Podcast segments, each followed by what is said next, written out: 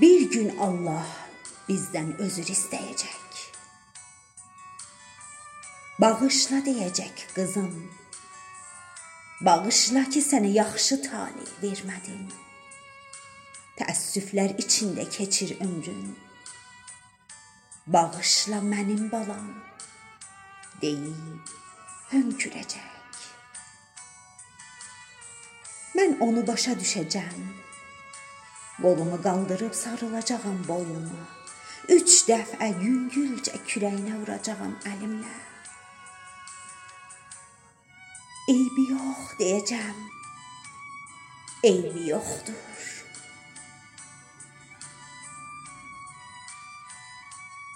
Əlini saçlarımın arasına salıb dolacaq.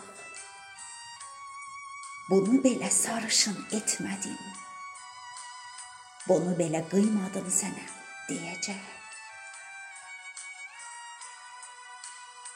Yaxşı. Belə də sevənlər oldu məni. Qara saçda pis deyil deyəcəm. Peşman olmuşam, sevdiyim pişik balalarını belə yaşatmadım. Üçünü bir gecədə öldürdüm.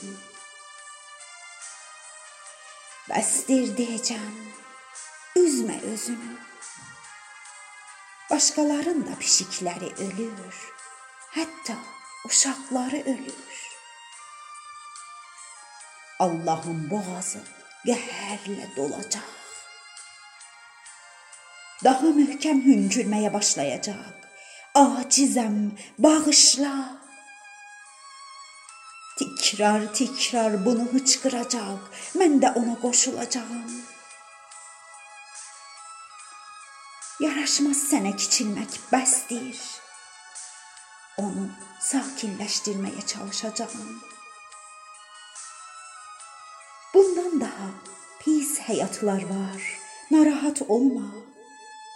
Yaxşıdır hər şey deyib gözlərini siləcəm.